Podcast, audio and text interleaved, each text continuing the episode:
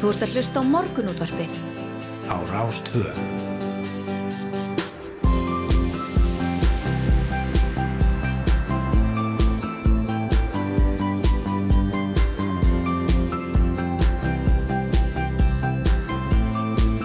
Morgunútvarpið Á Rástvö.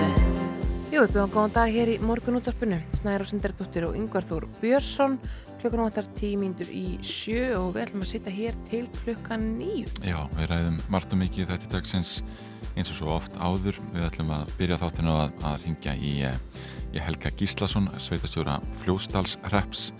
En sveitastjórnin þar hefur formulega samþýtt vilja yfirlýsingu með danska fjárfestingasjónum Copenhagen Infrastructure Partners um að skoða kosti vindorku vera í landi sveitarfélagsins og stjórnendu sjósins hafa þegar gert samkómulega við landsverkin og fjárðabyggð um uppbyggingum sérstaks græns orkugas á reyðarfyrði en það verkefni kallar á tölverða raforku sem er ekki til staðar í dag og ætlum að ræða við Helga já, um þetta samkómulag og áhrif á svæðið. Nei, mitt forðinlegt við þekkjum þetta. Þau, þetta að kaupanlega hafnabúar eru sérfræðingar í vindorku. Já, já og, og Copenhagen Infrastructure Partners eh, hljómar eins og, eins og já, fjárfyrstingasjóður sem ætti að vita einhvað um vindorku. Já, það hljóma þannig, það er rétt.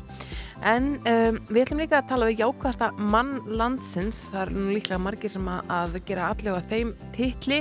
En ég held samt að enginn segja áströðufötur í ákveðinu sinna á Kristján Hafþórsson. Hann skrifar reglulega greinar í fjölmiðla og nánast daglegar samfélagsmiðlaferstur þar sem hann hvetur fólk til að meta eigin verðleika, horfa björnum augum til framtíðar og lífið og þakka fyrir tilvöruna. Þú vart að fá aðeins að ræða lífsbyggi Kristjáns hérna svona bara upplökan halv nýju. Já, skemmtilegt.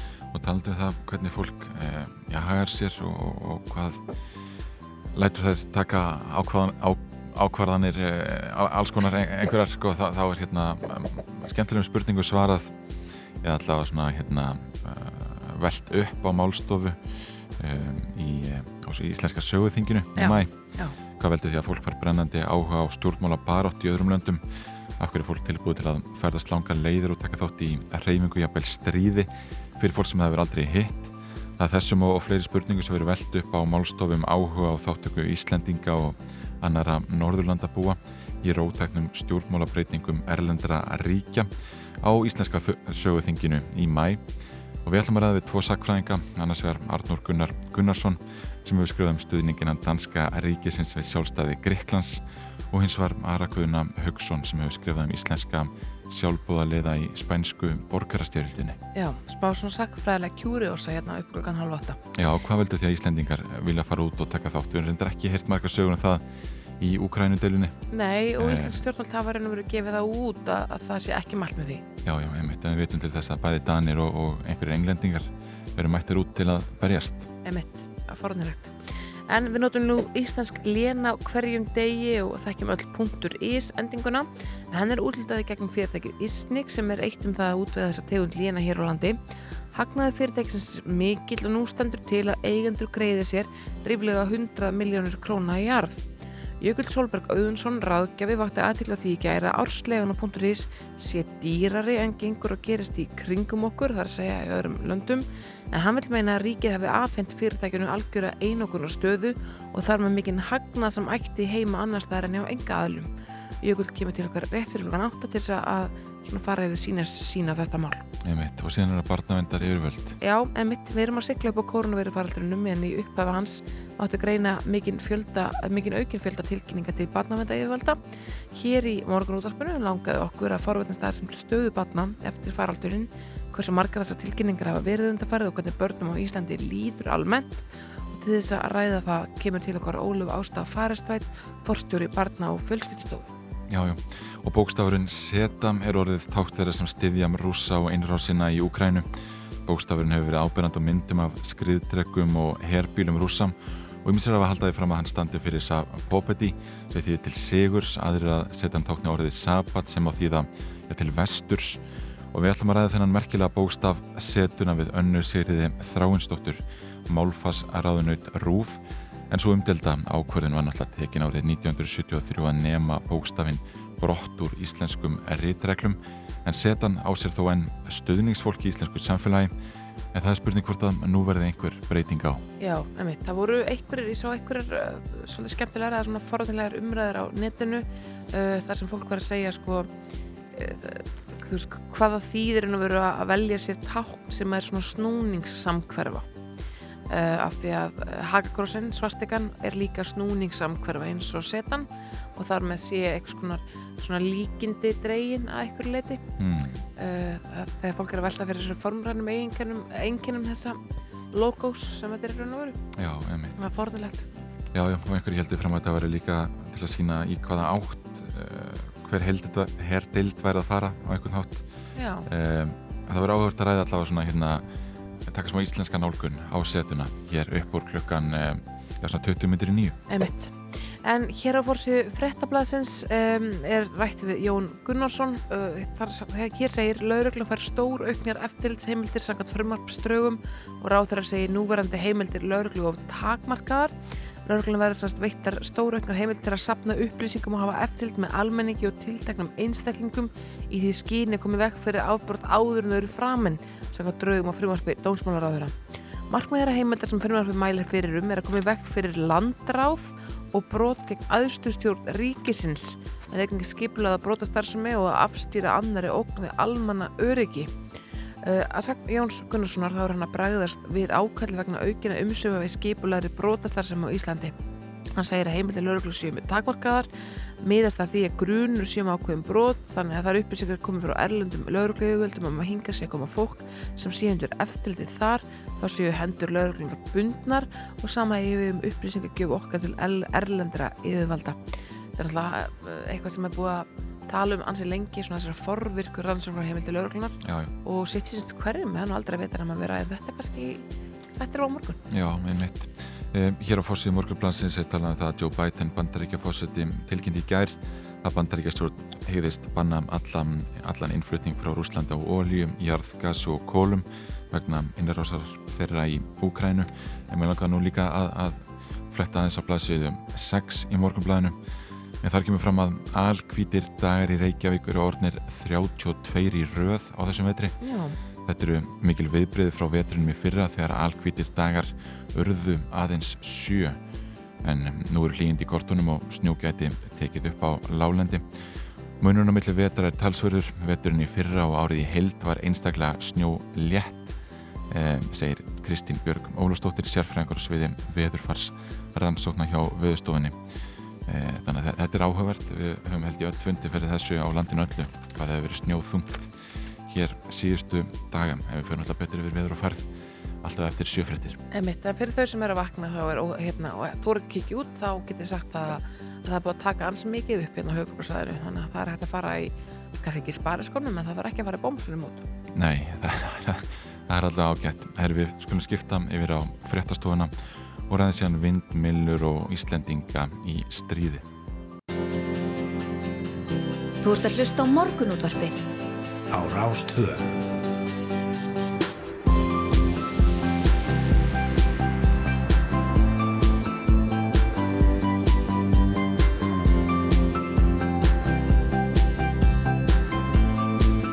Morgunútvarpið á Rástfö Morgunútrfið býður góðan dag.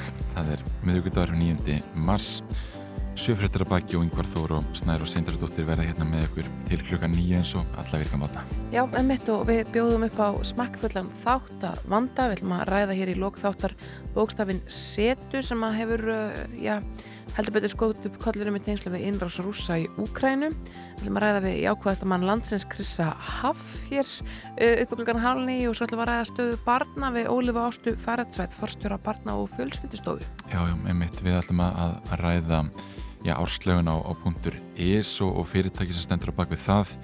Við ætlum að ræða, já, svona á sögulegum nótum um Íslendinga sem fara í stríð fyrir önnur ríki og ætlum síðan að byrja þáttin á að ræða vindmilur í fljótstalsrepp. Það er ekki rétt að fara örstuðt yfir veður og færð. Já, hér segir í hugleðingum viðfræðings að kröpp læð gangi nú yfir austanvert landið. Hún valdi suðaustan hvassviðri eða stormið með rigningu austan til á landinu fram eftir morgni en mun hægari vindur og úrkomi minna verður í öðrum landslitum.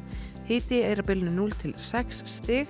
Setnibartinn þá verður læðin komið norður fyrir land og þá snýst í suðvestan 8 til 15 metrar á sekundu með jæljum og kólunandi veðri en svo stittur upp á norðaustur og austur landi. Ég sé hér á kortinu í hádeginu cirka það eru svona, já, rauðartölur á byggðu bóli sem árið komast allan hringin um, undan vel tvær gráður uh, hér á höfuborgarsvæðinu en Mhm. sex á skjáltingstöðurum og, og fimm á eigistæðaflugvalli Þessi á geta, að geta þess að það gul veður viðvörun um, á östfjörðum Já, og gildi til klukkan 11. já, þessi krappa lagð Já, en, uh, en háar hitatölur enga síður, þannig að, að sá snjór sem að, að þar hefur uh, fest, hann, hann, hann er líklega bara búinn eftir já, daginn. einmitt.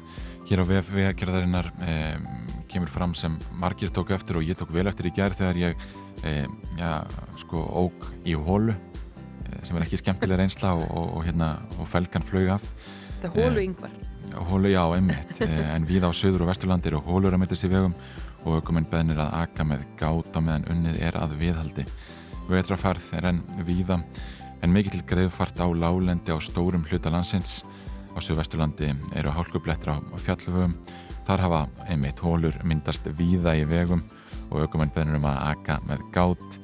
Eh, Kjallanes varaði á hólum líka á vesturlandi margar helstu leiðir greiðfærar en þó er snjóþekja hálka eða hálkublettir á nokkrum leiðum í dölum er varað við slæmu slitlægjum og hólum á kaplanum frá dalsminni að þröskuldum og vegfærendur bennur um að aka varlega á vestfjörðum snjóþekja hálka eða hálkublettir á flestum leiðum og vegurunum dynjandis heiði lokaður. Á Norðurlandi greiðfært víðaskvar en hálka eða hálkublettir á nokkrum leiðum. Á norðausturlandi er viða greiðfært en eitthvað um hálkubletti. Krabir á Mývas og Möðrudals öræfum og mjög kvast til háttegis eins og við fórum hér yfir áður. Það á líka við á austurlandi það sem er mjög kvast og hálkublettir á útvögum og á austfjörum er, er talað um berufjör sérstaklega. Þar er varað við hætta á slítlagsblæðingum og slítlagsköklar sem brotna af bílum getur verið varasamir. Mikilvægt er að dragur hraða þegar bílar mætast. Á Suðausturlandi gerði fært á öllum helstu leiðum og á Suðurlandi, já, sömu sögu að segja og hálkublettir á fáfarnari leiðum.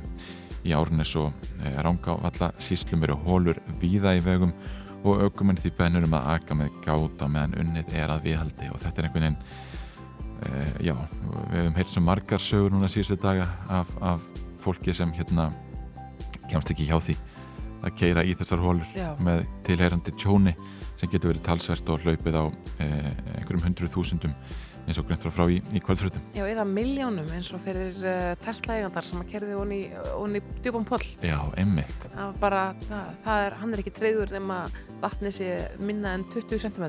Já, einmitt. Hann fram... Meira en 20 cm, nei minna, Já. Ó. Nei, minna en 20 cm. Af þetta var meira, þá er hann ekki treyður og þá þarf hann að kaupa nýtt batteri í bílinn og það er bara fjóru miljónir eða eitthvað. Já, einmitt. Hann ég fram eh, bifilja virki sem rættur við að, að sko, nýjir bílar og, og til að mynda þessar Teslur og annað slíkt væri með svo lágan prófíl Einmitt. að uh, sko, það eru meiri líkur uh, þar enn á þessu gömlu bílum að, að þeir skemmist tölverð þegar kert er í þessar hólur. Já, algjörlega. Ég hérna, sjálf er á svona uh, plug-in hybrid og við höfum ekkert verið allt of ána með hann í vetarferðinni í vetur. En uh, hvort það sé rammagn að kenna eða ekki, ég veit það ekki. Ég veit það ekki. nei, einmitt. Það spynir hvort við fáum fyrsta lag dagsins. Já, við ætlum að heyra í Freyriki Dór, öðrum bræðurinn ár hafnaverði. Þetta er lagið Þú, glænýtt með honum.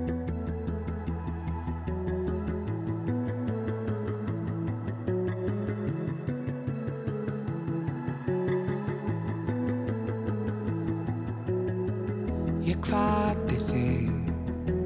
Sagðist þurfa að fara í ferðalag. Klæti mig. Tók mitt hafur task og lagð á stað. Sagðist þurfa að upplifa eitthvað nýtt. Prófa að búa það sem það er hlýtt. Sjá fjöllin og fyrnindin Fuglan og fyririldin Finna hvort fjarlægðin Friða myndi huga minn. Sama hvað ég sá, hver ég stóð Sama hversu víða ég fór. Ekkert sem ég sá, jafnast á. Við því því þú ert Fegur en öll blómin í haganum. Fegur en fegust í fjörður í kraganum. Að vera með þér er að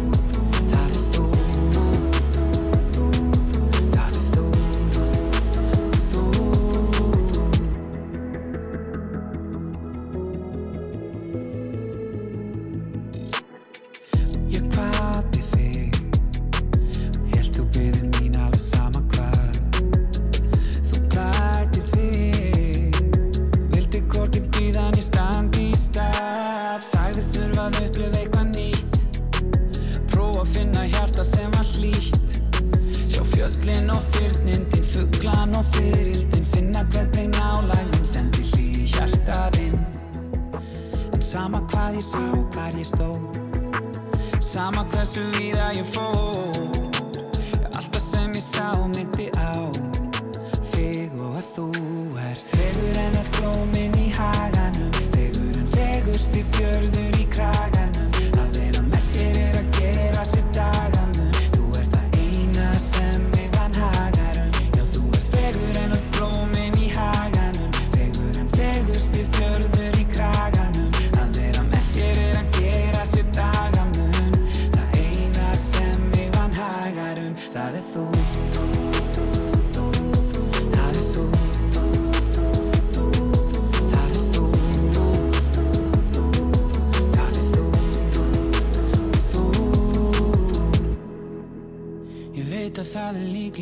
seint En varð að vita að ég hefði reynt Vildi bara segja við þau beint Það er þú Þú ert að hlusta á morgunútvarpið. á Rástvö. Já, já, það er þú með Freirik Dór. Uh, við höldum þetta áfram að fylgjast svolítið með fréttum frá uh, Úkrænu og hér klukkan 11 myndir yfir þrjú í nótt á barst fréttin á uh, vef rúf.is um að öryggiskokk berist ekki lengur frá Tjernobyl kjarnorkuverinu í Úkrænu til alþjóða kjarnorkumála á stofnunarinnar. Það kom fram í máli Rafael Grossi, fórstuðum á stofnunarinnar. Verðir ekki nótkunn en á 30.000 starfaðar við eftir til að tryggja ekki verið stór slís í líkingu við þessum áttur staður 1986 Mhm. og uh, þetta var þetta, er raun og verið eitt fyrsta svona skotmark rússa þegar þeir reyðist inn í Úkrænu þeir tóku yfir uh, Tjernobyl kjarnokverið held ég bara fyrsta degi. Já, lág einhvern veginn beint við úr norðri, það, það er lítið um, um íbúðabíð og annað slíkt, þannig að svona greiði leið kannski, en uh, við rættum alltaf við Gísla Jónsson, uh, viðbúnaðastjóra Gíslavarna ríkisins í gær og hann talaði um þetta að, að það eru meiri líkur á kjarnorku slisi þegar uh, já, einhverjir starfsmenn sem eru búin að vinna þar í tíu ára þurfa að forða sér. Já, og aðrir eru að taka við einhvern veginn öllu viðhaldi og svona öllum örgisráðstöfunum en hann talaði nú líka um það að við Íslendingar þurftum litlar áhyggjur að hafa og þurftum ekki að hamstra jóttöflur að, að já, ef kæmi til kjarnorku stríðs eða kjarnorku sliss á meginlandi Evrópu þá myndi ég ekki mikið að því skila sér hinga til hans? Nei, geislurinn er lítil og það sem að er kannski forrættulegt í því að bara enn einu svona kemur ljós að það er ágætt að búa á hegi í ballarhafi. Já, það eru mikil forrættindi, þetta er tölvöld annað svona, annars konar ókn heldur en mm stafar af uh, þessu, eða heldur en þetta horfið fólki annars þar í Evrópu. Já, já, geislavirtnin þinnist út hægt og bítandi eftir því sem lengra eh, já, eftir því sem fjallaðin verður meiri Emitt, og, og verður raun og verið mjög lítil hér á landi. Ekki það að þetta var ekki graf alvarlegt ef að, ef að til slís eða, eða styrjalda kemmi um, það segir hérna í sér frétt líka að, að Grossi þessi sem er sagt, um, yfir alþjóða kjarnorkumála stofnuninni uh, hann óttist að þreita og ála geti haft áhrif þegar kemur að öryggi versins og byðla til rúsa að leifa vaktaskipti. Þannig að það er sama, sama starfsfólk og var í verinu þegar að að innrásir átt sér stað sem að er eitthvað bara sinnað í alfarið. Hann hefur sjálfur búist til að heimsækja Tjernobyl í eigin personun svo tryggja mig að öllum öryggiskröfum sé fyllt þannig að, að hérna, já. Uh, það er annað orkuver sem að er í uh, höndum rúsa Saborítsja um, en uh, tveir kjarnátan þess eru ennvirkir þar eru einnig hafið vaktaskiptu og mælingar sína geyslunastíks í eðlilegt þannig að mm. Það er bara það hefur náttúrulega enginn í heiminum hafa því að hér uh, verði kjarnarku uh, slís eða bróðst út kjarnarku stríð. Já, já, einmitt. Þannig að það er, er áhört að fylgjast með þessu og það má lesa um þetta nánar einmitt á VF-rúf frétt sem kom inn klukkan, já, örmlega þrjú í nótt. Já, einmitt. Herði, við skulum fá annar lag og sína alltaf að, að ringja austur og, og ræða vindmjölur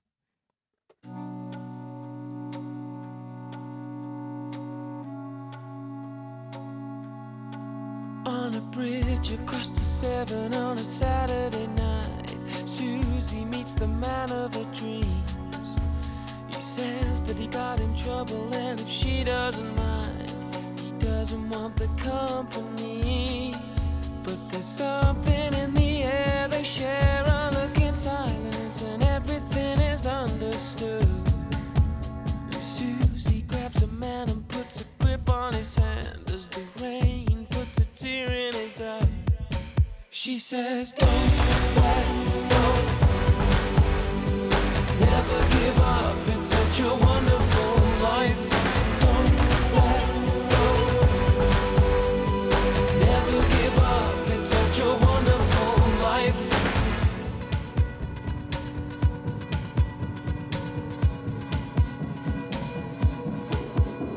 Driving through the city to the temple station, cries into the leather seat. And Susie knows her baby was a family man, but the world has got him down on his knees. So she throws him at the wall and kisses burn like fire. And suddenly he starts to believe. And he takes her in his arms and he doesn't know why, but he thinks that he begins to see. She says, Don't let such a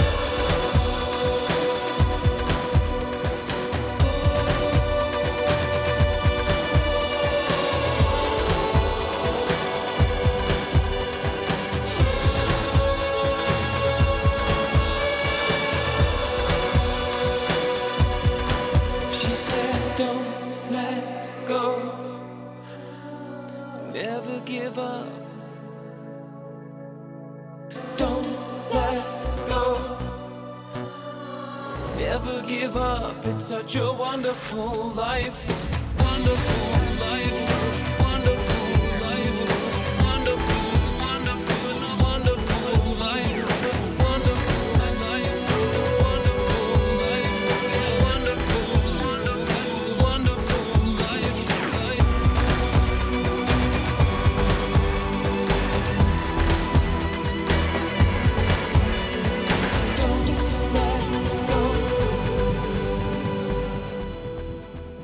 Ert að hlusta á morgunútvarpið.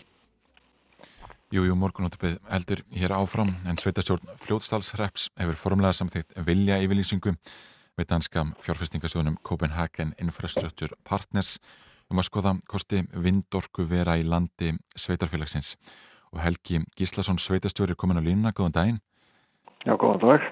Sko, í hverju fælst þessi yfirlýsing? Þetta er náttúrulega bara á frum stigum hjá okkur og, og þetta yfirlýsingin er um samstaf til að skoða hvort það er möguleik að reysa uh, vindmennugarð í, í fljótsdal og uh, samhlið að verði skoðað uh, kostir að þróa ný atvinnutæki í sveitafélaginu og, og svona innviði. Mm. Hvað atvinnutækifæri eru þið þá helst að velta fyrir ykkur?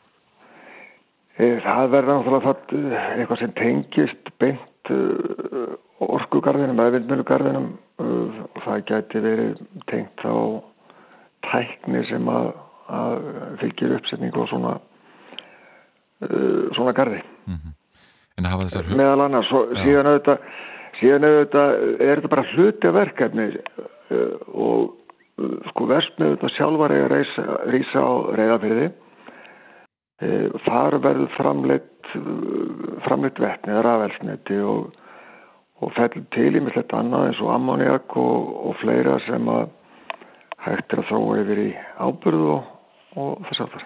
Já, einmitt. Hvenar vaknar þessi hugmynda að fara af staði þetta ferli að skoða kosti vindorkuvera í landinu? Eh, hjá okkur? Já, hjá sveitarfélaginu. Þa, já, það er nú bara í vettur. Mm -hmm.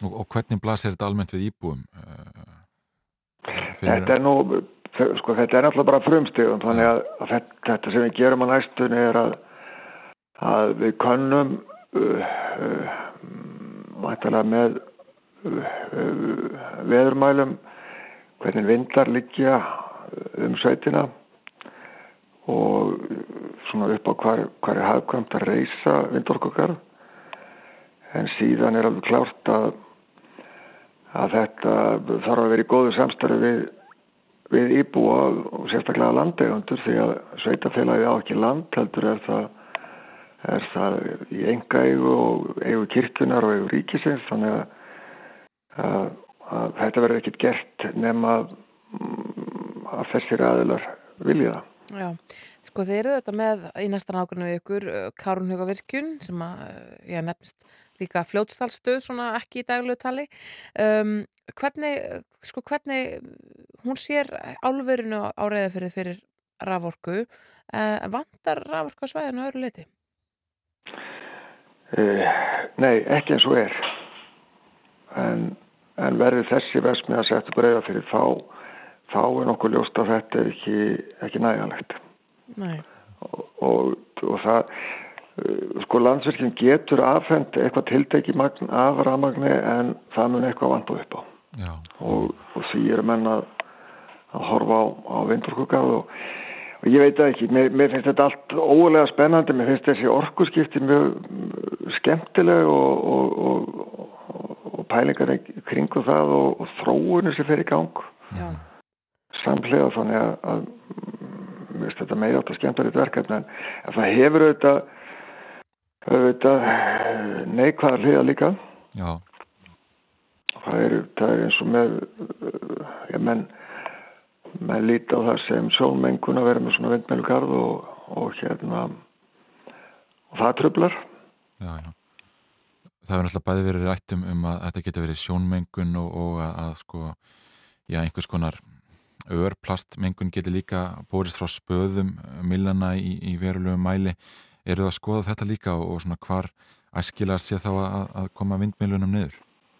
Já, það, það er gert og, og síðan er í uppbyggingu í sveitafélaginu uh, nokkuð örst ferð og þjónusta og við viljum alls ekki að, að þessi hlutir fari gegn, gegn ferri uppbyggingu óbyggjarsetri er nú kannski eitt nýjasta dæmi hjá okkur sem að sem að gera beilinnis út á út á hálendið og, og, og, og það er mjög falleg og góð uppbygging sem þar á sér staðir að reysa hóteluða núna.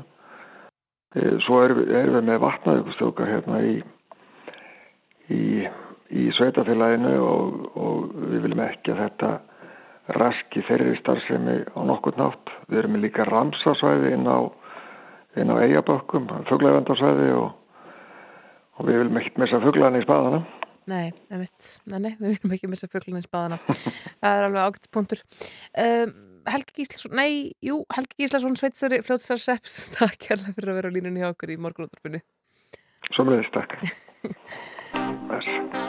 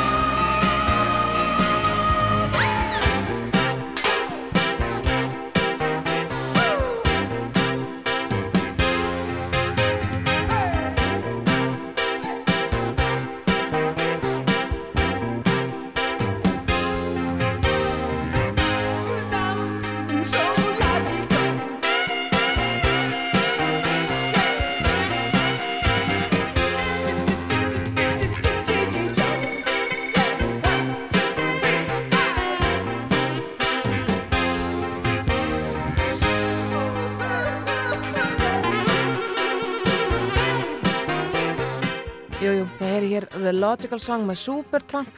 En við fyrum að skipta yfir á frettastofuna það er fretta yfirlit framundan og svo komum við að vermu spori og ræðum að þessum við sagfræðinga um Íslinga í stríði. Já, já, einmitt, eh, mjög áhugaverar eh, eh, nálganir á, á svona, já, fá svona sögulega nálguna á, á afhverju Íslendingar berjast fyrir önnur ríki. Einmitt, já, það er fornulegt Fyrst frettastofan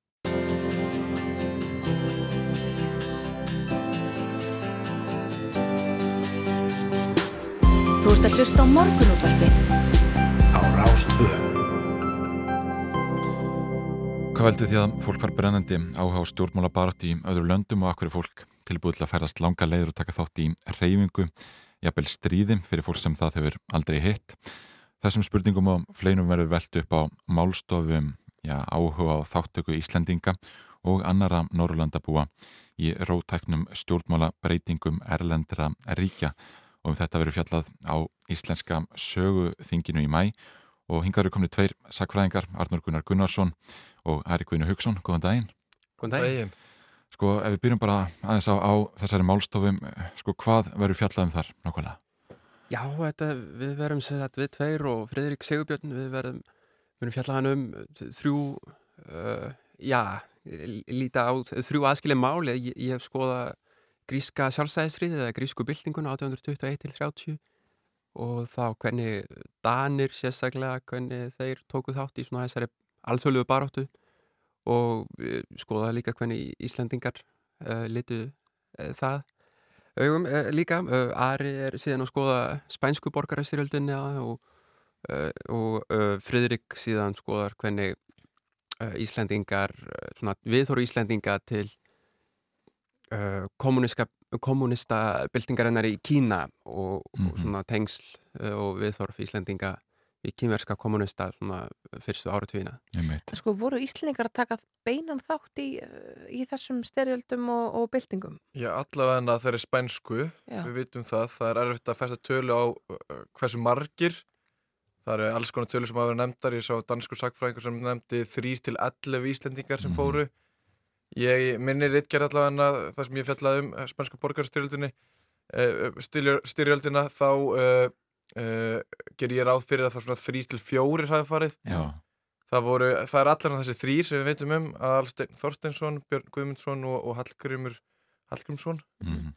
þeir eru allavega, það er alveg staðfest að þeir hafi farið og vitað, svo voru þess fjórði einstaklingurinn Dagur Austan eða Vernhardur Akkertsson Uh, það er eitthvað deilur um það hvort að hann hafi nokkuð tíma farið eða, sko, allavega hann að gengi út frá því að hann hafi verið á staðinu hann Já. skrifaði hann að bók sem var svona, sem eh, tók mjög mikið með af, af þeim aðstæðum sem voru til staðar á þeim tíma. Mm. sem hefði verið erfitt fyrir hann að skrifa annars á þess að hafa verið á staðinu með hvort hann hafi barist ekki og ég, maður getur meira ekkert. Þetta tala náttúrulega ákveðlega inn í samfélagi núna þegar við heyrum fréttir að því að einhverju danir og einhverju brettar sé á leiðinni til Úkræn að berjast með úkrænska hernum. Eh, þessir Íslendingar sem fóru um, já, til spánar. Var þetta bara hugsunar fólk sem hérna hafið réttlæti skend og, og vildi berjast? Já, þetta er svolítið áhugavert því að sko, þeir kannski tóku minna með einhvers konar staðbundnum ástæðum stríðsins. Þeir fóruð hana með einhvers konar svona, eh, fyrstum sinn var náttúrulega barist um, um þær daldið uh, en svona eftir því sem leið á þá, þá fóruð þetta að taka daldið með svona einhverjum alþjóðlegum deilöfnum uh, og, og þessi menn lit og þetta sem einhvers konar baratu góðs uh, gegn hennu illa mm -hmm. um, og þetta fór að taka með að þessari svona ja, polariseringu sem hafði átt sér stað í samfélaginu á hvað öllum fjórða áratug síðustu aldar sem voru bara átt að fasisma, nasma, gegn kommunisma og sósialisma svona henni líraðislegu öflum uh, en jú, þetta voru allt kommunistar sem fóru þeir fóru þannig fyrir tilstilli komitærn mm. Mm. En sko hvað með svona bara eðli þessara manna eða eðli okkar íslendinga að taka þátt? Eru við ekki til dæla friðsal þjóð sem að viljum einhvern veginn halda okkur fjari við að slóð? Já, það er ekki að segja það.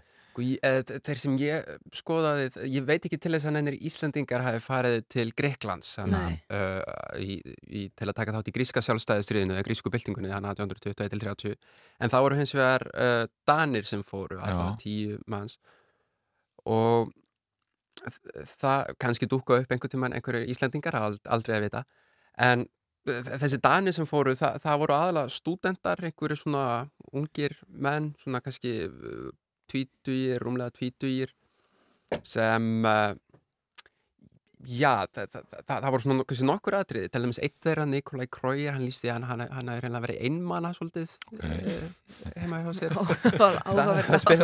Ástæður að vera stríð ok. já, já. En, en síðan var líka svona, svona ákveðin svona stríðs eldmóður um, á þessum tíma þá kannski var það svona stór hluti af því að einhvern veginn á, á, á svona einhverjum ungdómsárum og þannig voru þessir menn án stríðs eins og sumir hafa, Já. sumir fræðimenn hafa sagt og þess vegna hafið verið meira áhuga á þessu í Greiklandi og, og síðan líka uh, var svo mikil áhuga á menningararfi uh, sagt, frá forn Greiklandi mm -hmm. og um, sem var náttúrulega út um allt svona í mentun fólks þannig að það kannski og, og, og þetta fólk er myndið varða oft fyrir hálfgjörðum vonbröðum þegar það kom síðan til Greiklands vegna þess að það bjóst við að væri hálfpartin bara að fara að berjast við hlið Sókratesar eða eitthvað. En síðan fannst um, sumir, sumir lístu þeim eftir á sem hálfgjörðum barbörum eða já, já. Einmitt. Við hefum heyrt sko íslensk stjórnvöld núna beina eitthvað almennings að taka ekki beina þátt í þessu stríði, fara ekki út að aðeins annað tótt kannski dönskum stjórnvöldum Hvernig voru viðbröð sko, stjórnvalda við því að það væru einhverju þegnar að fara út og, og berjast? Í spænsku borgarstjórninu var það allavega þannig að Íslands stjórnvöld löð, löðs gegn því. Mm -hmm. Það var alltaf uh, aðeins annað í dag heldur en þá. Uh, þá voru sem þetta var búið að gera svona samning, milliríkjarsamning þar sem vestuveldir sögist bara ekki alltaf taka þátt í þessu. Uh, Ítalir og þjóðverðar gerði þau slikt til sama á þessum tíma þó þau sveiku það Mm. Uh, þannig að einu ríkin sem stuttur svona ofnbærlega spán og líðveldi á spáni voru Sovjetríkin uh, en þau hins vegar vildi ekki senda sína einn herrmenn þangað til að draðast á djúftin í átökin bara svona svipaði svona NATO í dag þannig að þeir ákveðu að, að skipulegja einhvern svona, svona alþjóða herrtildir og það, það farið svona um þá 35.000 manns mm. í mhm. þær uh, en Ísl þessi menn, Íslandingar sem fóru þeir þurfti allir að leynast þeir þurfti að fara þeir sögust verið að fara að læra loðdýrarækt í, í Noregi og já. eitthvað slíkt sko til að fara þann út Einmitt. og laumuðu sér til spánar og laumuðu sér til spánar, já, já. í gegnum Kaupmann oft og, og París Hver eru þið örlega þessara manna? Uh, herru, þeir lifiðu allir af já. það var alltaf magnað uh, alltaf hann Hallgrím skrifa bók undir spánar lífveldisins uh, en uh, en þeir allir, svona, þetta náttúrulega bara var ótrúleg ótrúlega erfið upplifun mm -hmm. fyrir þá alla Já. ég held að þeir allir hafi, hafi, hafi særst ein, á einhverju tíma í, í stríðinu og allir þurft að koma sér tilbaka á einhvern svona undur að verðan hátt sko. mm -hmm.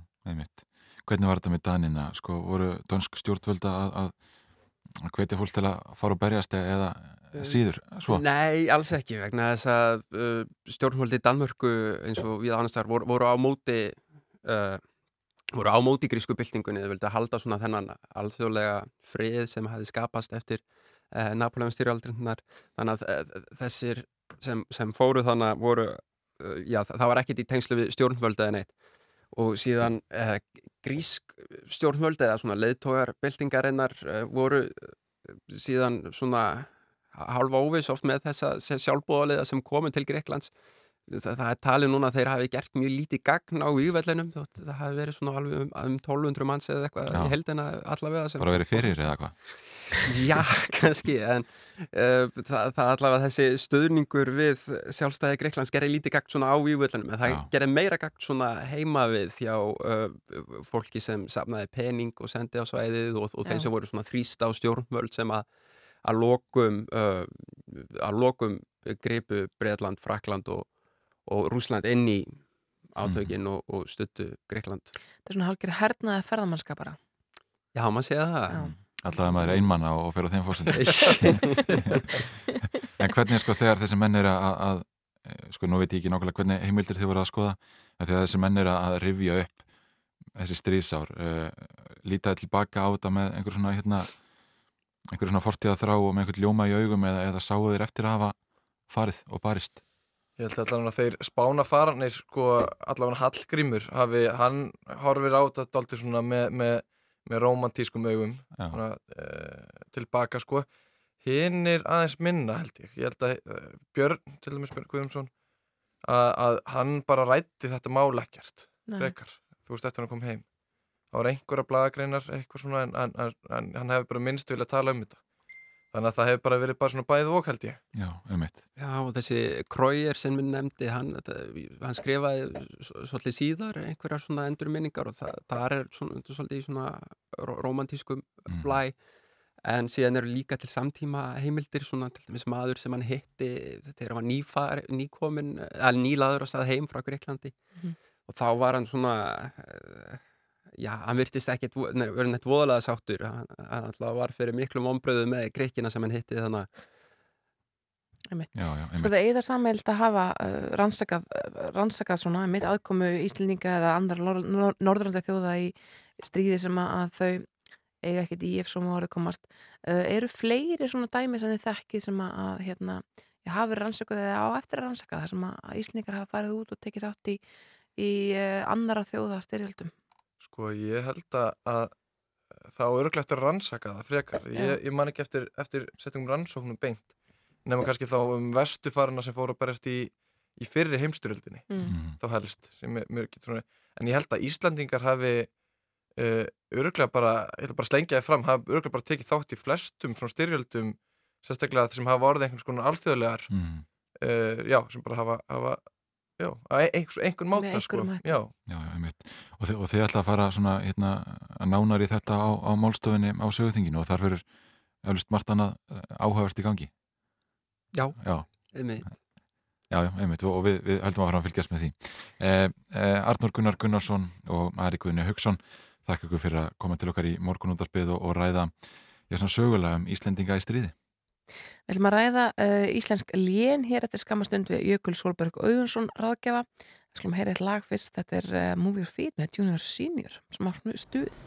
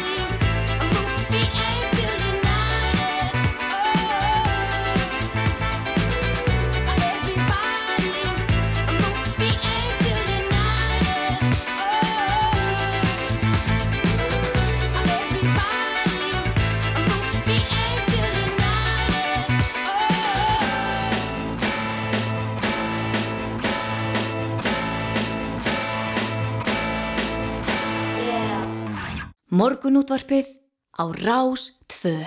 Jújú, áframhaldum við hér.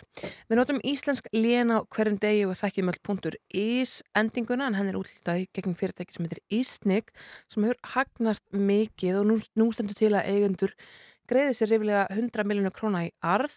Jökull Solberg Auðunsson ráðgjafi vakti aðtikli á því að gera árslegan á punkturis er dýrar en gengur að gerist í kringum okkur, það er að segja í nákvæmlega löndunum.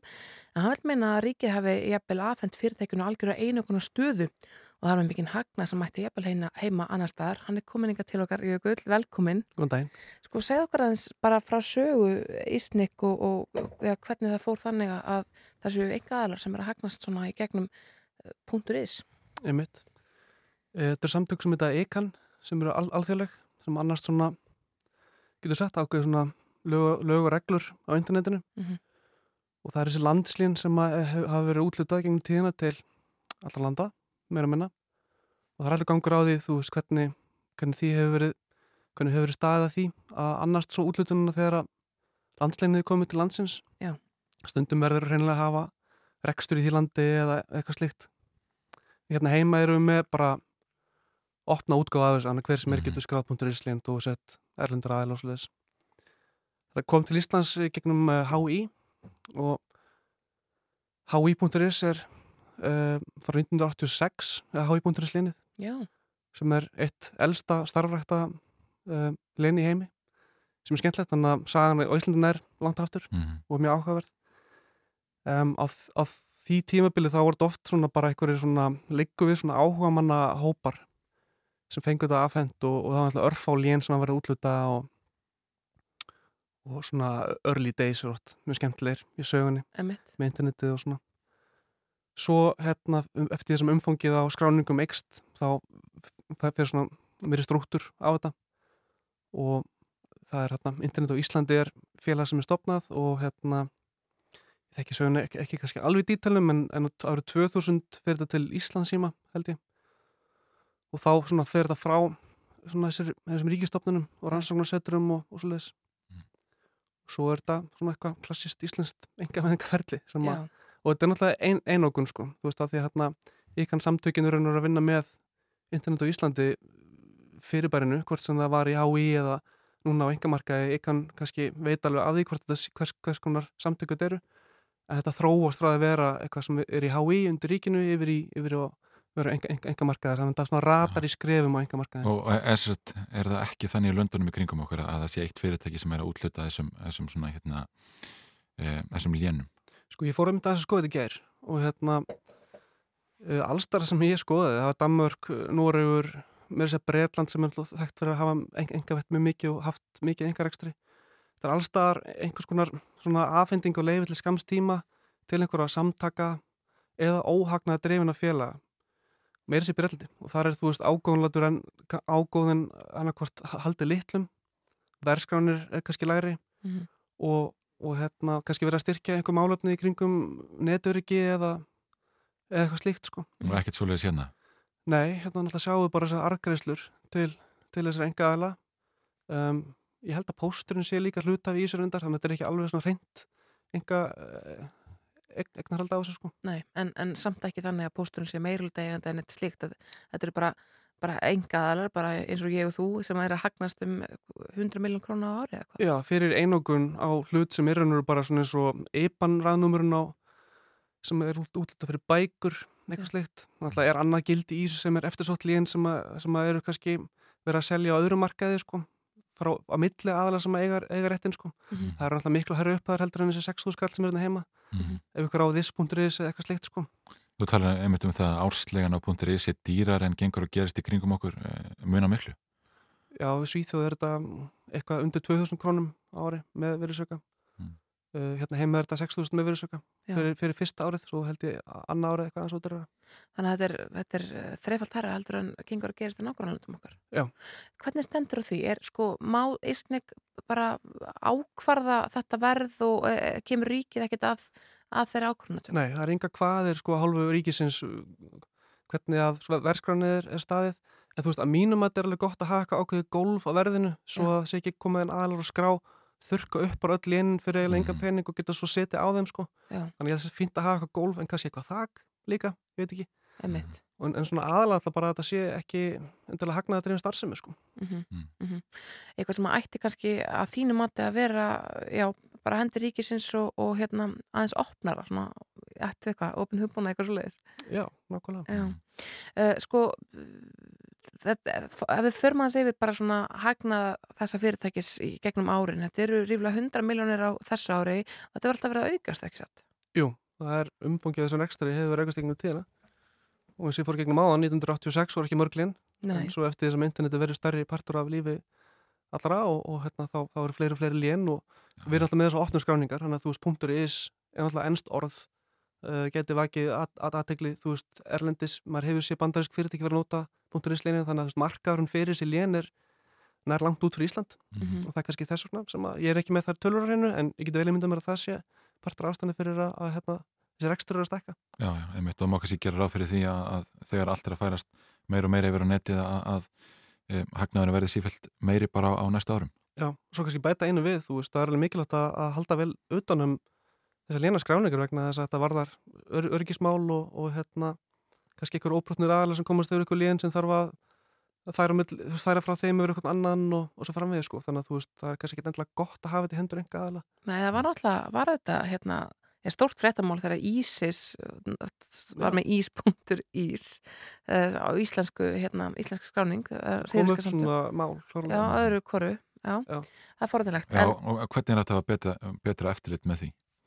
Sko ég hérna, eftir sín bestu hefur Ísnik verið að standa sig ágætlega í þessu og eru góðum, góðum samskiptu við ekkan samtökin úti mm. en hérna, ef þetta fyrirtæki verið selgt til einhver annar aðla þá, þá, þá þú veist, við veitum ekkert um orðspór þeirra aðla Nei. þannig að þú veist að ríkið þarf alltaf að hafa sterkar góða aðkoma að þessu mm -hmm.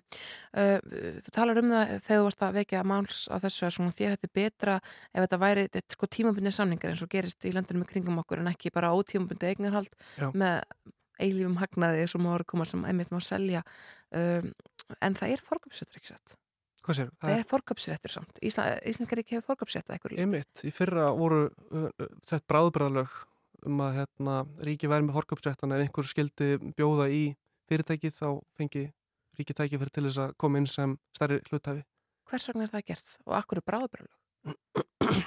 ég bara las ekki alveg allar þessar umsagnir, ég átti mig ekki alveg að því. Ég þarf bara að skoða það eins betur Hljómar eins og, eins og það hafi ja, eitthvað svona varnagli kannski eitthvað mikill aðseg í því að að minnst að það voru bara ábráð lögum Forðunlegt uh, Jökull Solberg Öðunsson ráðgjafi, takk kærlega fyrir að koma og, og vikið að tekla þessu forðunlega máli. Takk fyrir mig. Uh, Það steytist í að við förum að skipta yfir frættastofuna en við viljum líka ræða stöðu barna hér við Ólifu Ástu Faretsvætt forstjóra uh, barna og fjölskyldu stofu hér þess skamastund. Hún hétt einu svonni uh, barnavendastofa en já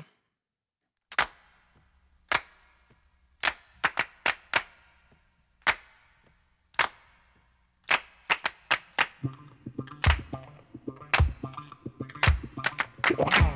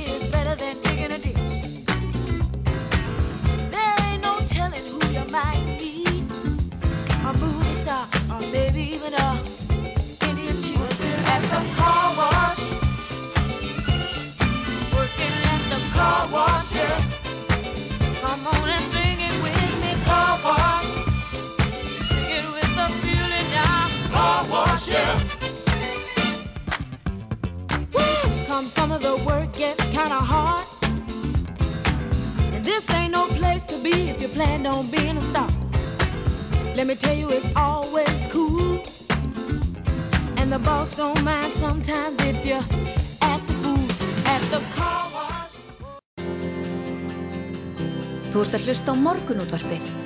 Á Rástvö.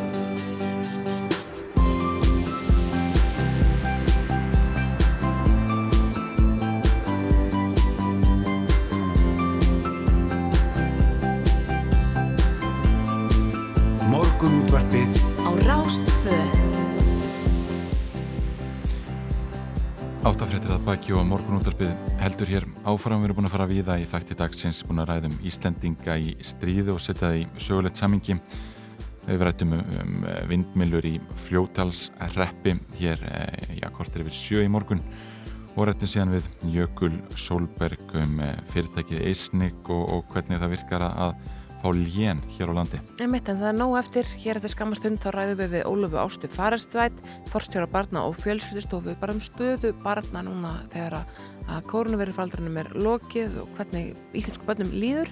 Við ætlum líka að ræða við já, mann sem gerir alvarlega allega tillinum jákvæðasti maður landsins, hann hendi Kristján Hafþórsson og við vakið svolítið aðtekla á samfélagsmiðlum og verið greinaskrif sín á vísi um hvað við séum öll frábær og svo ætlum við að ræða setuna með önnu sýrið þráinstóttur málfarsráðunut í ljósi þess að uh, ja, rúsneskir skriðdrekar og, og, og fleiri hernaðavarningur allir mertu með setu sem margir hafa velt fyrir sér hvers vegna sé. Já, já, ég mitt og þá er áhugast að revja upp þessu ákvörðinu þegar, þegar eh, bókstafinu var feldur úr íslenskum rítreglum. Nei mitt, það er nú eitthvað sem notar en þá. Já, já, ég mitt, maður sér þetta en þá í, í stöku skoðanagreinum á netinu. Herðum, við ætlum að fá annað lag og síðan að ræðu við, já, málumni barna. Emitt, þetta er lagið Eldur um mér með Írefár.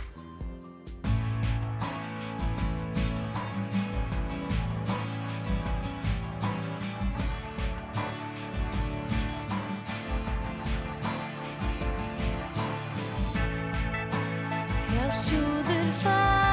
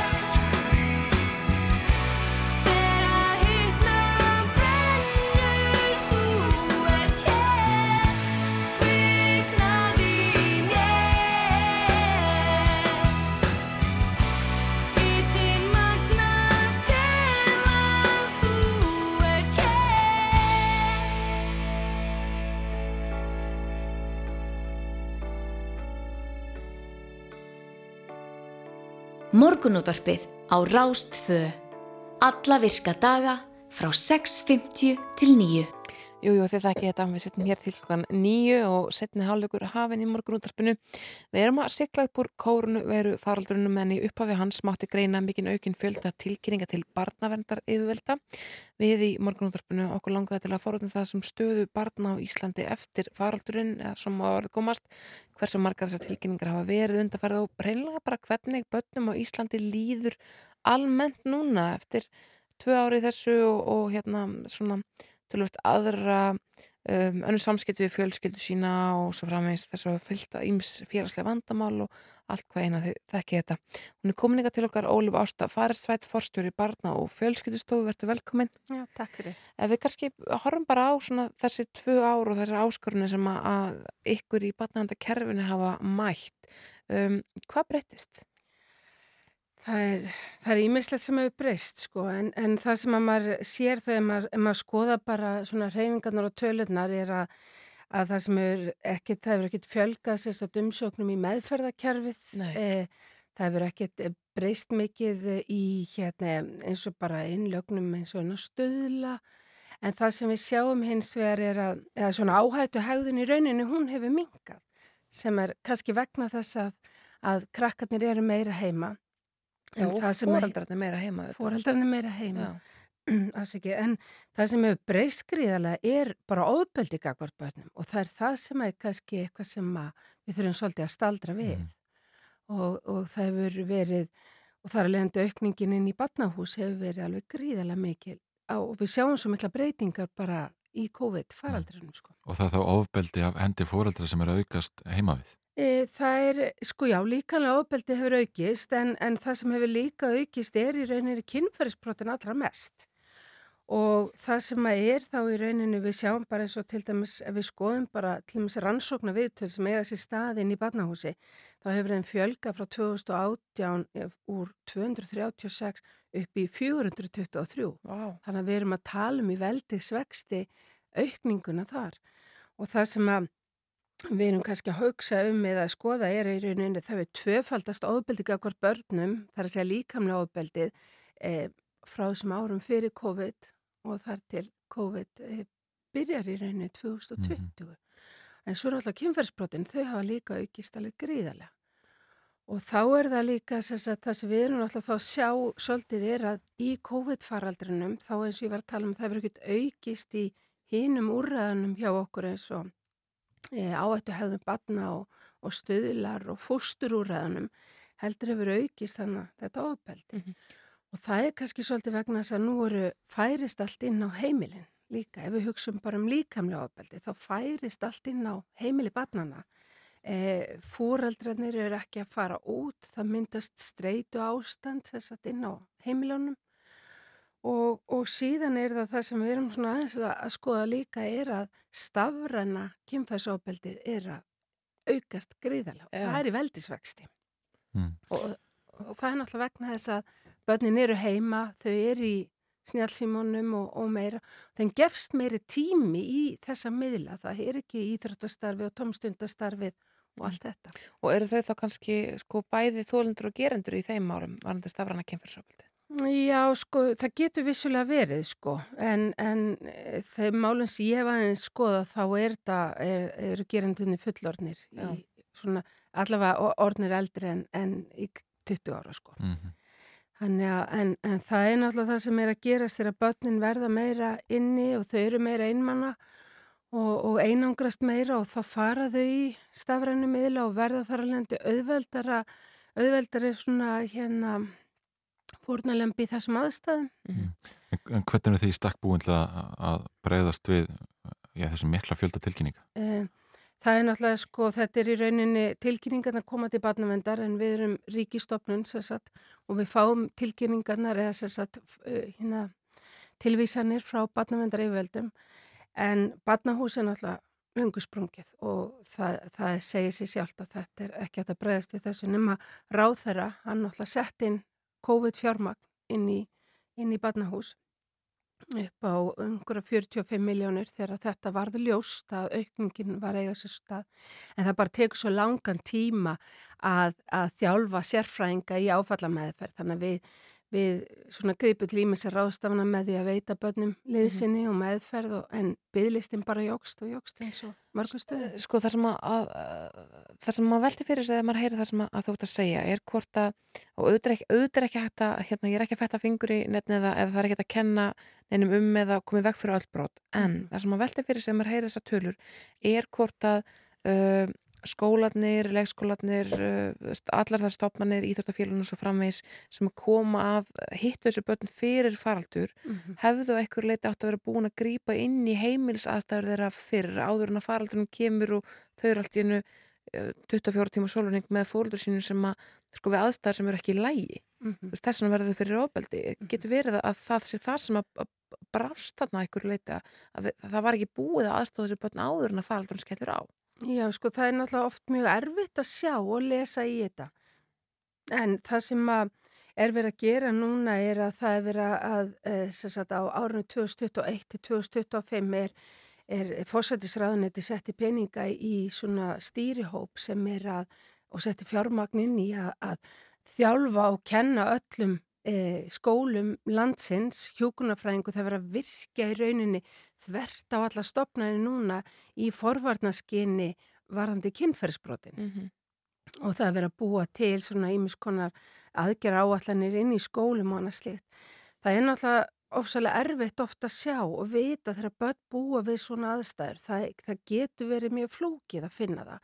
En líkilin er líka börnin. Það þarf svolítið að segja þeim eh, að þau eiga, að þurfa að geta tjáð sig.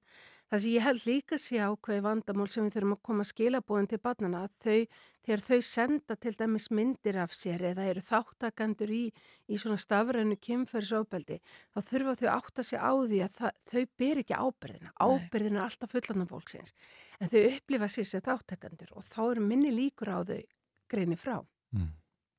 En svo náttúrulega annað sem maður hefur líka áökjur af sko bara varandi bara með börnin í landinu, ekki þessi börn endilega sem að búa við eh, svona mikla erfileika því það er náttúrulega viðkvæmur hópur sem að fyrst nýkir í stóðunum hjá en það er líka börnin sem að búa við hvað sé góðar aðstæðir en það er þessi kvíði sem getur myndast vegna koronu verið faraldusins og það verður kannski áhugavert svolítið að skoða það mm. til lengri tíma leti að börn upplifa kvíða, þau jafnvel einangrast og eiga þar alveg miklu erfiðara með að koma út aftur mm. og þetta er svolítið sem við þurfum í samfélagin að grýpa þegar þau koma út í samfélagið aftur, svolítið skólanir fara að vera að virka, þá, þá þurfum við svolítið að geta grýpið þau og, mm. og varið þessi börn sem hafa kannski byrjað að þróa með þessi kvíða eða þunglindi. Mm -hmm. Þannig að, og sérstaklega börn sem eru kannski líka í veikvæmni stöðu eins og börn sem eru með með einhvers konar greiningar eða einhverfi og þau eiga til dæmis mjög erfitt með þetta, þessa veiru.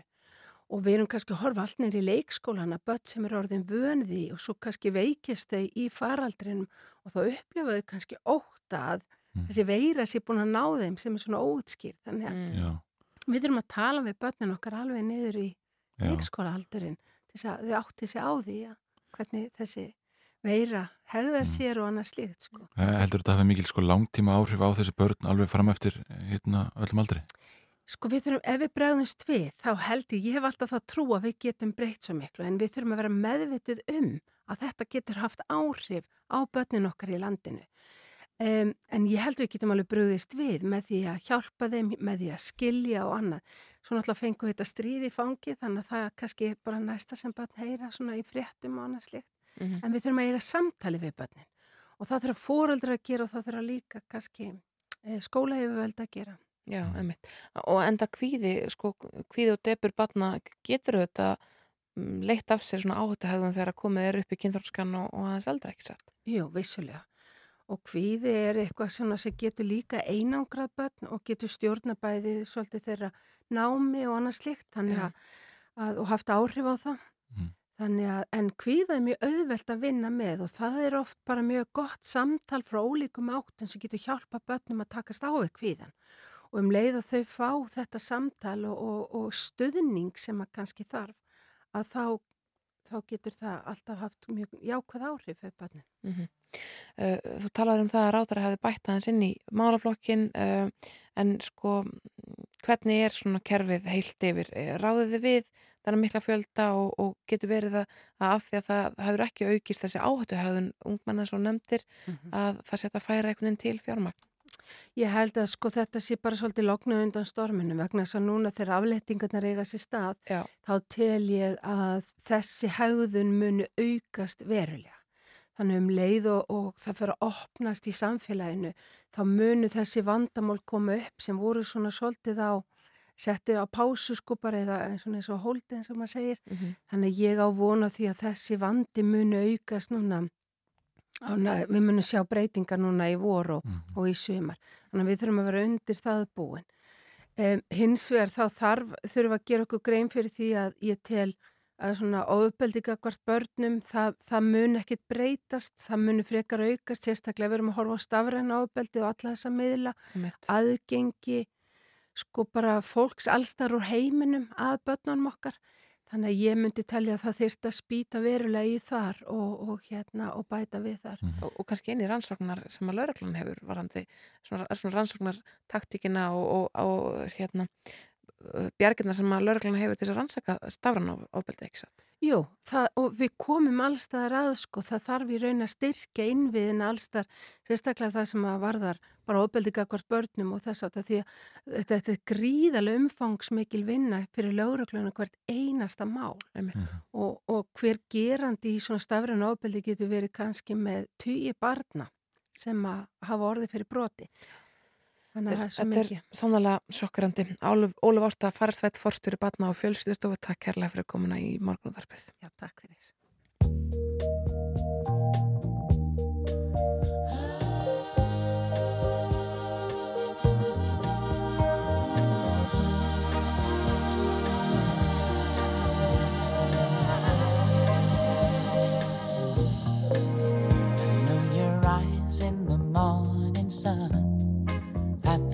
Touch me in the pouring rain. And the moment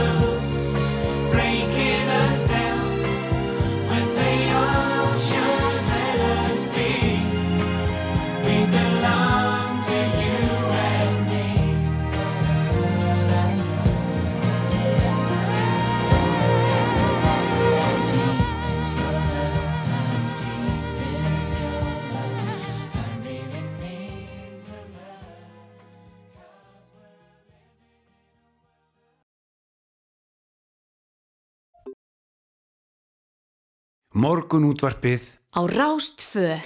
Jú, jú, uh, það eru ansa margir sem að gera allega titlinum jákvæðastu maður landsins en það er þó líklega engin ja, áströfullur í jákvæðin sinni og Kristján Hafþórsson, hann skrifa reglulega greinar í fjölmila og nánast daglegar samfélagsmiðla farslur þar sem hann hvetir fólk til að meta í veruleika, horfa björtum ögum og lífi og þakka fyrir tilver tilveruna og er komin eitthvað til okkar. Velkomin Krissi. Góðan daginn, takk fyrir að fá mig. Hvað, akkur ertu svona opaslega jákvæð? Já, það er henni bara Í fyrsta lagi, þú til að bara búin, þú bara, bara summaði þetta alveg upp, sko, ég held að það sé bara komið, takk fyrir mig. Nei, hérna, já, ég, hérna, eitt kannski árinni byrja, af því að, hérna, ég var smá sögum með rúf. Já. Það kannski gleymist í umræðinni, sko. En ég sérst, hérna, sérst, þegar spöggstofan kom með comeback, svona 2008-ish, þá var ég að leika mikið þar. Já, já. Þannig ég var eitthvað mikið, sko. Og er það ástæðan bara, Örn Árna og... Já, Örn Árnason er ástæðan hverju ég er svona jákvæður. Já. Nei, hérna, en hann er sem þetta alveg frábæð gaur, sko. Já. Og er hryggilega jákvæður, og þeir allir. Einmitt. En mér langar bara að koma í að, sko, þegar ég, er svona, ég var svona uh, rúvar í den, sko. Já, skemmtilegt, Já, skemmtilegt. Var það úr spapp? Já, svona, hana, og þið YouTubeið e, spöggstofan Economics, þá sjáum við mig sem breskan hagfræðinema. Ég skil. Þetta- rataða YouTube, þið munið í gamla þetta, ef eitthvað rataða YouTube á þess að maður setja það sjálfurinn, Já. þá er það svona svolítið stórt eða ekki. Jú, jú, einmitt. Jú, það er það, algjörlega. En jákvæðin, já. Já, akkurat svona jákvæður. Þess að ef við bara svona förum yfir minn jákvæðnisferil, Já. að hérna, ég sést hérna, sko, ég hef alltaf verið jákvæður æðisfari, bara síni var lítill. Mhm. En það sem mótar mig svolítið um, er henni fráfall föðu míns uh, árið 2007. Mhm. Þá er ég 15 ára gamall að vera 16 og uh, eins og, eins og byrja að skilja að vera mikið áfall. Og, og ég sem ungu maður, ég er svo, mér stoltur að sjálfum mig fyrir það. Uh, ég er henni leita á, á, á, á glasið rauninni bara einhvern hálffullt eða hálftómt og ég ákvaða að fara megin í lífið og rauninni svona ákvaða að tilenga mér svona svolítið jákvæðan lífstil eh, í kringum það Mhm. eh, bara svona þú veist, þið viti, bara svona sjá frekar, eins og sé, glasi hálffullt en ekki hálftómt Emmett.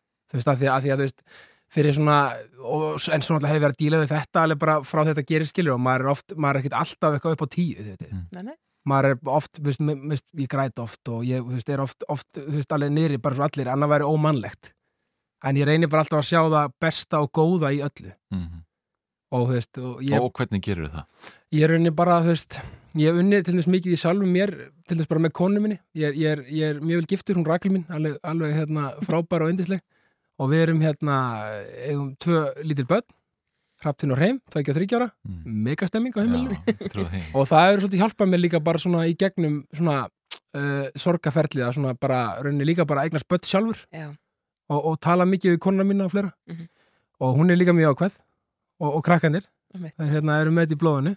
Þannig að það er bara svona jákvæðan á heimilinu Já. og, og þú miðlar henni mikið út, þú, sko, eins og ég nefndi á hann, þú ert auðvitað með, hérna, með eh, nánast daglegar færslur á samfélagsmiðlum en, en svo skrifar líka greinir og vísu ef ég bara, bara fæ að tæpa þess inn í hana, hún hefst svona frá 7. mars, pældu í því hvað mögnu og frábær manneskja, pældu í því hvað hugur eitthvað gull falleg manneskja aldrei gleyma eitthvað sem mögnu manneskja þú ert og svo, svo heldur þessi grein uh, áfram út svolítið svona að láta fólk muna það að Já. það hefur það ágætt Einmitt, og það er einmitt hérna svona punkturinn með þessu sko um, að því að það eru allir svo ótrúlega magnaður á sinn einstakahátt og hæfileikaríkir og allt þetta gullfallegir og eins og ég er alltaf að, að hérna predika.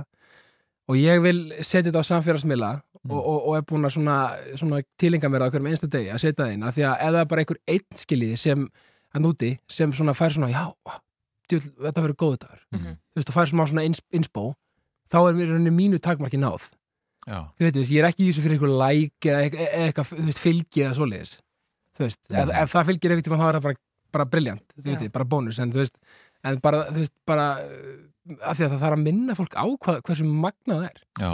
þú veist, af því að fólk gleymir svo, svo oft í amstrinni, þið veitir Mhm. og maður er, þú veist, kannski að berja sjálfa sér niður, þú, veitir, eitthvað svona að ég er ekki náttúrulega góður í þessu og þú veist, og ég get ekki þetta og þú veist, ákvæður ætti ég að vera þarna en ekki uh, þessi miklu betur en ég eða eitthvað svoleiðis. Mm. mér finnst alltaf, alltaf mikið af því í samfélagi Já. En nú er alveg margir sem er einhvern veginn að koma sér inn í daginn, sitja kannski fastir í umferð núna, örlítið skí yfir mann einhvern veginn, e, stríð í gangi e, og erfiðan fund. Sko, hvað skilabóð hefur til þessa fólks? Ég hef rauninni bara, hef þau skilabóð að hérna, bara, bara horfðu bara út að bjart úti, að minnst einhversti, við höfum það. Já. Nei, þú veist, við veitir, bara, bara, bara tökum aðeins smá tíma til, a, til að fá perspekti á hlutina. Þú veist, þetta er, þú veist, hvað er að versta sem getur gerst Mm. þú veist, hérna, fyrir okkur í þessari í þessu yndislega landi sem við búum á og þið veitir, þú veist, menna þú veist, versta sem gerist eða þú er kannski ofsett á fundin eða, eða, eða þú veist, eða þú hellir kaffin niður á þau skilur það er ekkert að vera, það er ekkert álulegt sko Nei, einmitt. Æ, þið veitir, þú veist, maður þarf bara að setja hlutin alltaf í svolítið perspektíf Já. það er erfitt alltaf og stundum er maður bara pyrraður og reyður og það er allt í lagi Mhm. Já, já. og ég er al- alls ekki að hérna, segja það sé ekki að vera en reynum bara að muna að hérna, þú veist, að, að svona sjá sóluna í lífinu og hafa svolítið gaman að þessu og muna hvað er minnstök og frábær Já, þú veist, við erum öll mögnuð Já, sko hva, hvað viðbröð hefur þú fengið? Þú hefur verið, sko þetta er ekki nýtt þó að, að þessi grein hafi byrst inn að sjönda þú hefur verið í, já, mörg ára miðlega þessum bóðskap á Já, samfélagsmeilum og svona einmitt. Hvað viðbröð hefur þú fengið? Verður fólk, hérna, hvernig finnst fólk þetta? Sko, ég er hef fengið alls konar viðbröð sko. Já, Ég er alltaf var með fyrirlestar um þetta líka einu sinni Já. e, Það er að segja svona, bara svona, smá svona pepp, svona stemmingu sem ég fór með í mentaskóla og grunnskóla Mhm. E, fyrir, já, 11 áru síðan en skalið og það er að segja það þá lí- þá líður mér svona svolítið, svona, svolítið eldri en ég er sko. Einmitt. en já, e, þannig að sko, já ég rauninni hef fengið alls konar viðbröð sko. Já. og ég meina, þú veist, maður er fengið svona þú ert bara leikþáttur, þú ert bara leikþáttur Já. en svo kannski kemur sami aðili kannski tveimingum setna eða, eða whatever þú veist, maður var kannski á djamminu og svona bara, heyrðu, þú ert ógæslega næs, þú ert bara svona Nei. bara já, það er nákvæmlega þannig sko. Mhm. og þú veist, og ef eitthvað var með eitthvað, þú veist, þá er já, allt í góð skilur, bara, Þannig að þú færi stundur svona neikvað viðbröð við þessar jákvæð já, ekki í dag sko. Nei. en hérna, það er eflust einhverju sem hugsa með þegjandi þörfina sko. þið veitir Já, finnst þú bara eitthvað vittlisingur sem er að verið, sko. Bóða jákvæðni Já, en, en þú veist, en, en hérna en sem ég segi, þú veist, ég er, al, veist, ég er alls ekki að reyna að klína þessu framan neitt, sko, þetta er bara, þú veist, bara, eins og segi, ég er bara mitt takmark og, og mitt mark með það að vonandi tekur þetta eitthvað til sín og líður betur þið veitir, inn í daginn Já, já. og bara með sjálfan sig og, og fær kannski smá svona bara til að gera eitthvað því að þú veist, minna, þú veist, kannski bara ge, byrja að gera eitthvað nýtt þú veist, uh, hugsa, hörru ok, ég er bara mjög góður í þessu ég ætla bara, Já. ég ekki að mála, ég ætla bara að byrja að mála Hugsa falla þetta sjálfsins Já, þú veist, það er svo mikið, ef maður getur ekki elskað sjálfa sig, þú veist, þá getur maður alltaf elskað einhvern annan. Nei, En þið veitir, maður verður að byrja að sjálfum sér. algjörlega Kristján Hafðarsson, jákvæðasti maður á Íslandi og, og kannski þó við var leitað takk kærlega fyrir komuna Ást og friður, takk fyrir mig. Já, takk hérlega fyrir. Takk fyrir. Hér er þetta smá alltaf að ræða bókstafin eh, setu eh, sem er orðið svona ták þeirra sem stiðja rúsa á innrásuna í Úkrænu. Það að ræða þetta við önnu sýriði þráinsdóttir Málfars að ræðanauti Rúf og svona hlutverk setunar eh, á Íslandi í dag.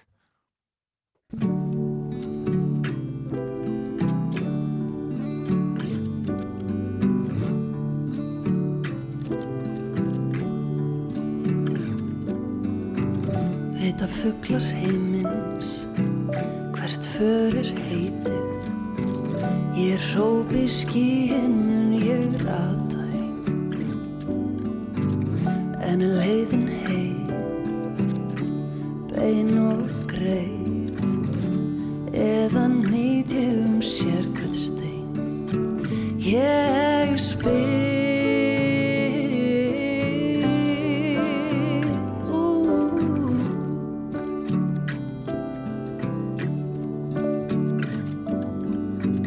Hef þannig seglinn mist kjark við næsta lof Þá hefur hlátur þinn oft bjargað fyrir hot.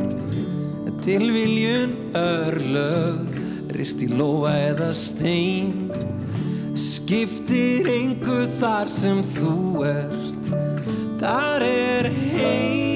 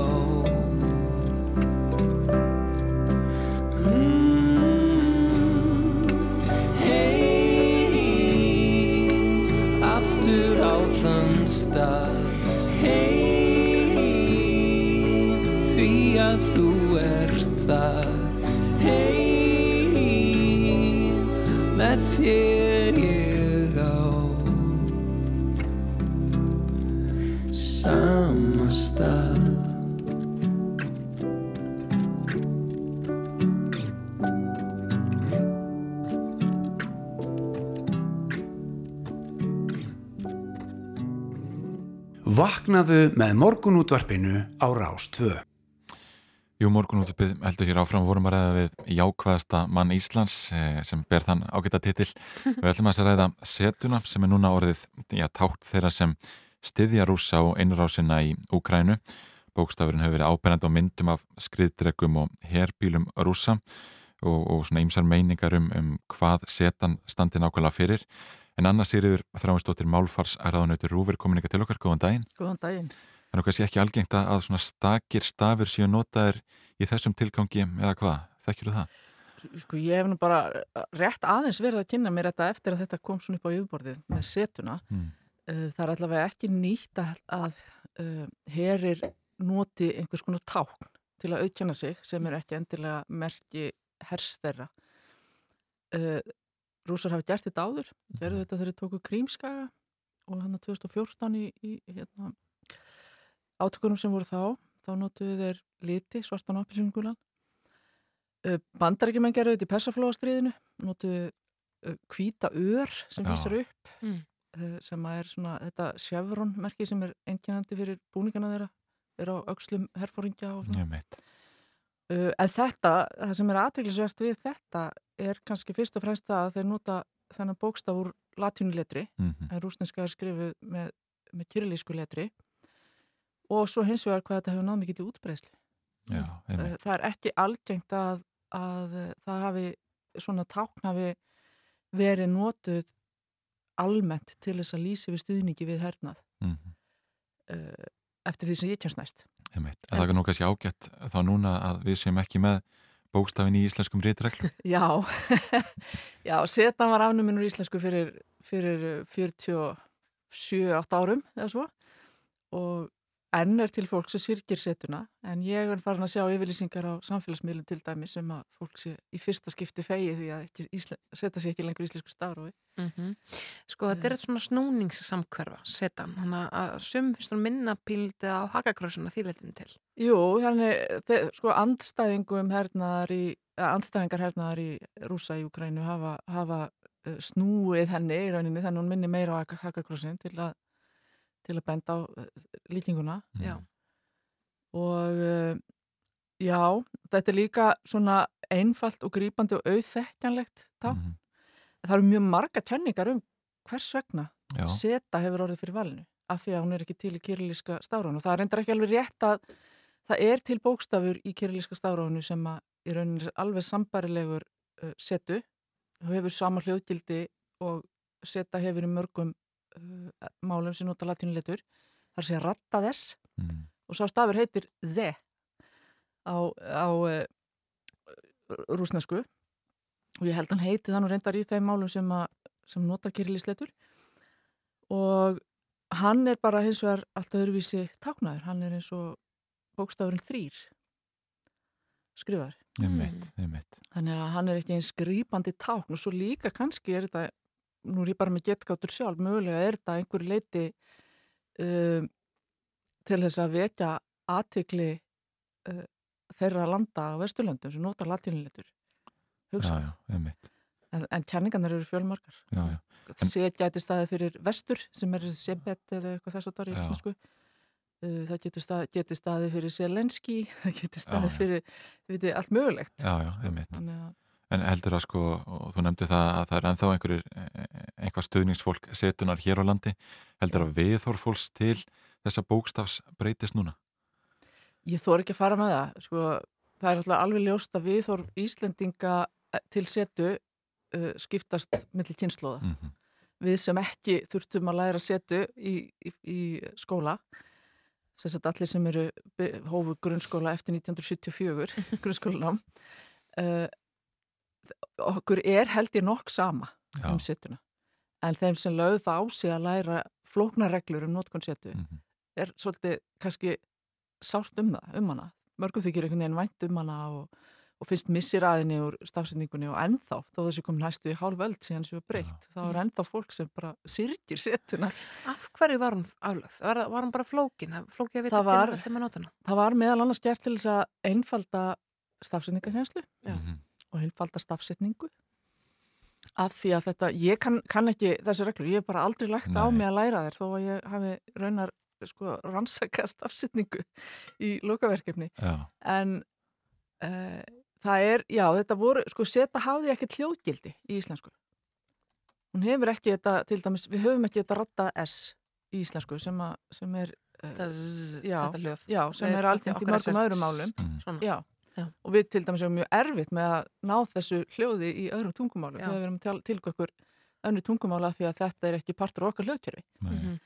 en hún er uh, hins vegar hefur hún verið hún var í fornriðdónum notuð Mhm. uh, og hafði þá vantanlega hljóðgildi og það er talið að það hafi þá verið samsvarandi TS sem að hún hafði þá svo í setna þegar hún reglurna snerist um það hvort, hvar og hva- hvenar hún stóð fyrir TS Mhm. Já, já. Og þetta allir miklum rugglingi en, Já, já. en setar ekkit eina hljóði sem hefur ekkit hljóðgildi nei, eini stafurinn sem hefur ekkit hljóðgildi í íslensku. Minna, Upsilon hefur ekkit hljóðgildi í íslensku. En ef við höldum í hann Já. og X ekki heldur. X er stændur líka fyrir tvö hljóð eins og setan gerði. En eru önnur dæmi það sem þetta að, að einhverju stafir hafi verið aflæðir einfallega til þess að einfalda já, stafsetning og staf, stafsetningarkenslu? Nei, Nei. það er bara setan. En stafsetningu hefur verið breytt. Já. Gegnum tíðina þó að, þó að við hefum ekki mikið verið að leggja niður stafi. Já. en það má svo sem geta þess að við sko, hér áður voru þotn og eð notuð í íslensku ritmáli í fornritum.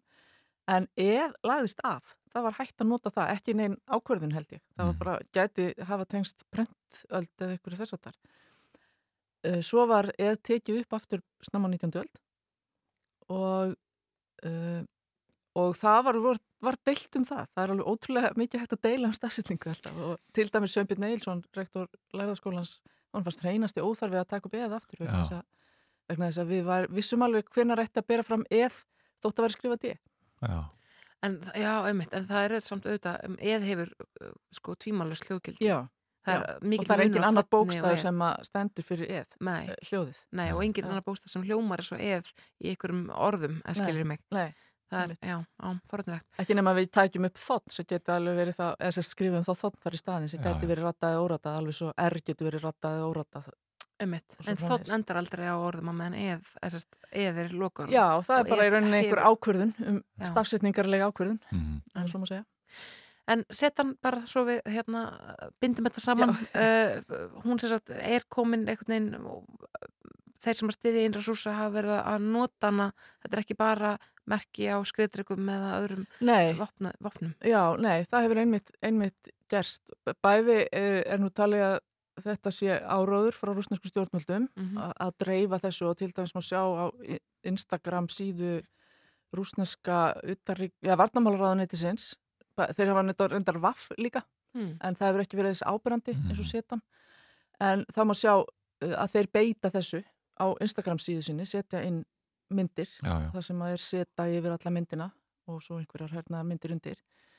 Og svo er það rúsneska ríkis sjónvarpið, beitir þessu líka setunni, en svo hefur þess að dreifst á samfélagsmiðlum meðal stuðnismanna rúsa. Já, já, það verður áhört að sjá Og kannski má segja að ástæðan fyrir því að þetta dreifist svona í fyrsta skipti svona, hef fært svona ví, víða útbreyslu er að við höfum kannski ekki verið með svona öfluga samfélagsmiðla á stríðstímum áður. Já, nákvæmlega. Mjög áhugavert, Anna Sigurður Þráinsdóttir Málfarsraðanutur Rúf, takk fyrir að koma til okkar í morgunúðarpið Við komast ekki lengra þessu sinni, um, Hulda Geistóttir snýr aftur á morgun, við verðum hér saman uh, og fjöllum um eitt og annað áhugavert en allt sem að vera þættinu í dag, það er aðgengilegt á vefnum eftir skamastund. Já, já,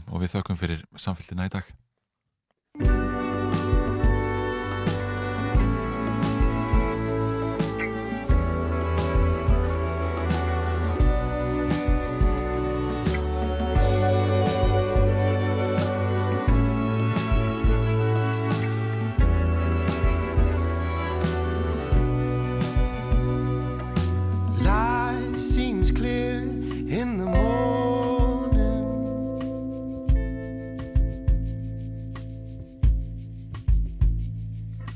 Golden rays through the curtains.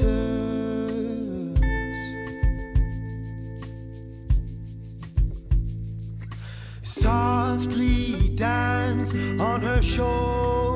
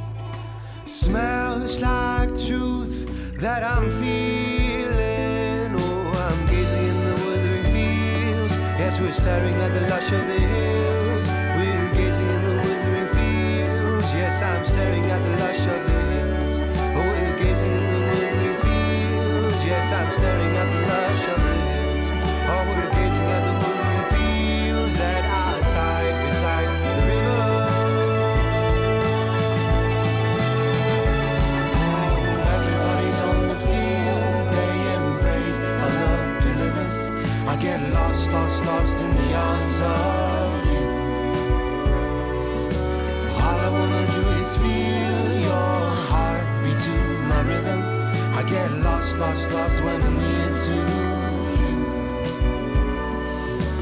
Everybody's on the fields, they embrace our love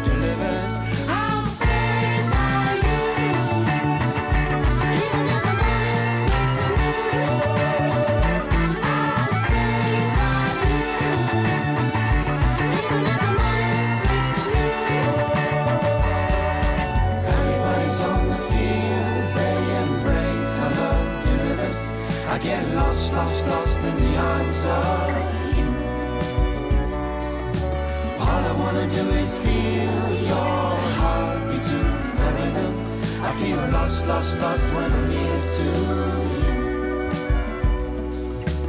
Everybody's on the fields, they embrace our love delivers.